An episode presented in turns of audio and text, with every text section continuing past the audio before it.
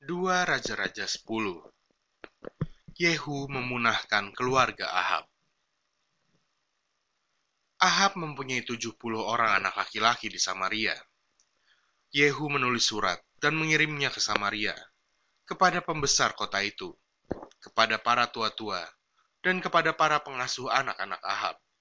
Bunyinya, Sekarang, segera sesudah surat ini sampai kepadamu, kamu yang mempunyai anak-anak tuanmu di bawah pengawasanmu, lagi pula mempunyai kereta dan kuda, dan kota yang berkubu serta senjata. Maka pilihlah seorang yang terbaik dan yang paling tepat dari antara anak-anak tuanmu, lalu dudukkanlah dia di atas tahta ayahnya. Kemudian berperanglah membela keluarga tuanmu. Tetapi mereka sangat takut dan berkata, sedangkan kedua raja itu tidak dapat bertahan menghadapinya.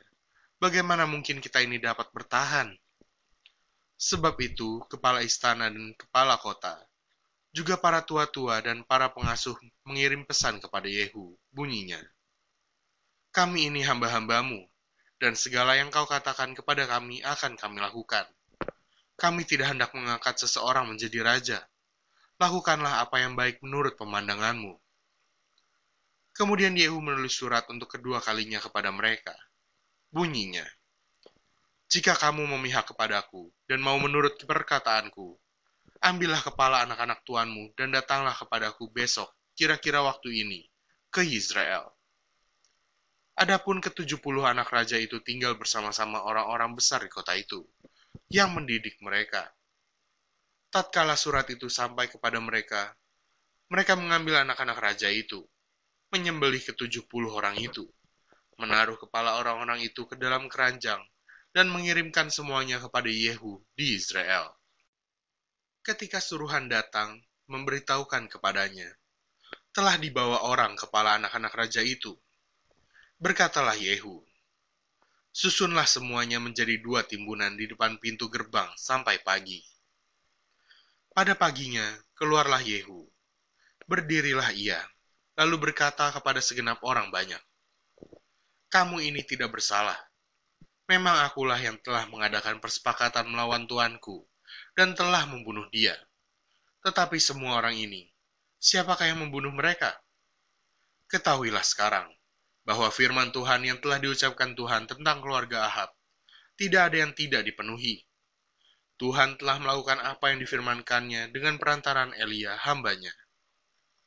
Lalu Yehu membunuh semua orang yang masih tinggal dari keluarga Ahab yang di Israel. Juga semua orang besarnya, orang-orang kepercayaannya, dan imam-imamnya. Tidak ada padanya seorang pun yang ditinggalkan Yehu hidup. Kemudian bangkitlah Yehu pergi ke Samaria.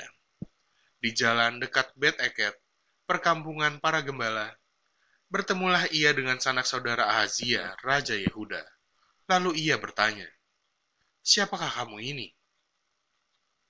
Jawab mereka, kami adalah sanak saudara Ahazia, dan kami datang untuk memberi salam kepada anak-anak raja dan anak-anak ibu suri. Berkatalah Yehu, tangkaplah mereka hidup-hidup. Lalu ditangkaplah mereka hidup-hidup dan disembelih dekat perigi Bet Eket, 42 orang, dan tidak ada seorang pun ditinggalkannya hidup daripada mereka. Setelah pergi dari sana, bertemulah ia dengan Yonadab bin Rekhab, yang datang menyongsong dia. Ia memberi salam kepadanya serta berkata, Apakah hatimu jujur kepadaku seperti hatiku terhadap engkau? Jawab Yonadab, Ya. Jika ya, berilah tanganmu. Maka diberinyalah tangannya. Lalu Yehu mengajak dia naik ke sampingnya ke dalam kereta.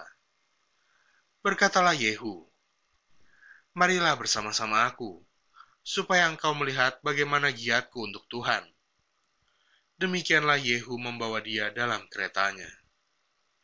Setelah Yehu sampai di Samaria, maka ia membunuh semua orang yang masih tinggal dari keluarga Ahab di Samaria. Ia memunahkannya, sesuai dengan firman yang diucapkan Tuhan kepada Elia. Yehu menghapuskan penyembahan Baal. Kemudian Yehu mengumpulkan seluruh rakyat, lalu berkata kepada mereka, Adapun Ahab masih kurang beribadah kepada Baal, tetapi Yehu mau lebih hebat beribadah kepadanya. Oleh sebab itu, panggillah menghadap aku semua nabi Baal, semua orang yang beribadah kepadanya, dan semua imamnya. Seorang pun tidak boleh tidak hadir, sebab aku hendak mempersembahkan korban yang besar kepada Baal. Setiap orang yang tidak hadir tidak akan tinggal hidup.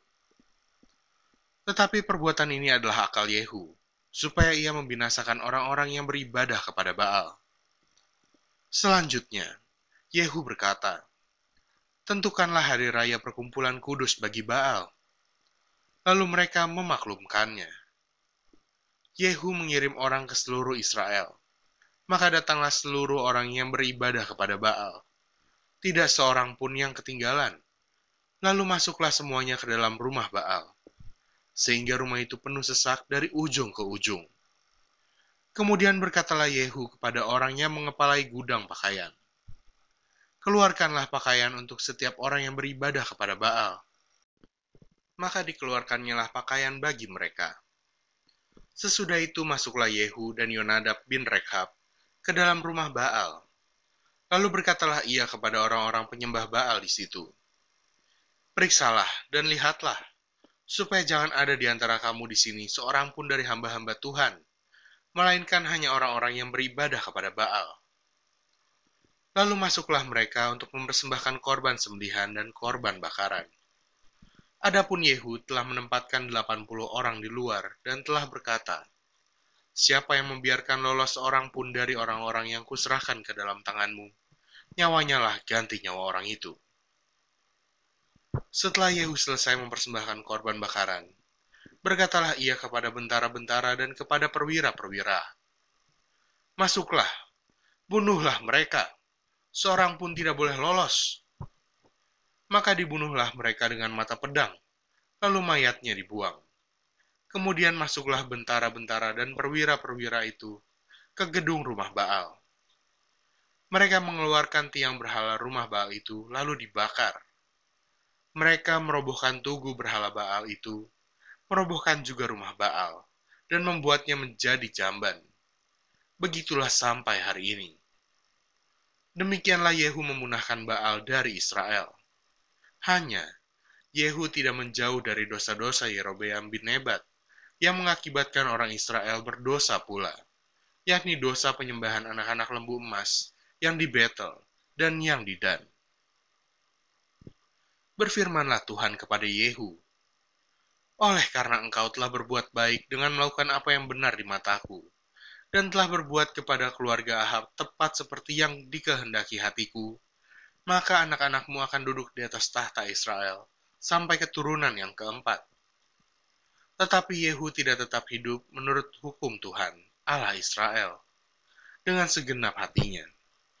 Ia tidak menjauh dari dosa-dosa Yerobeam, yang mengakibatkan orang Israel berdosa pula. Pada zaman itu, mulailah Tuhan menggunting daerah Israel, sebab Hazael mengalahkan mereka di seluruh daerah Israel. Di sebelah timur sungai Yordan dengan merebut seluruh tanah Gilead, tanah orang Gad, orang Ruben, dan orang Manasye. Mulai dari Aroer yang di tepi sungai Arnon, baik Gilead maupun Basan.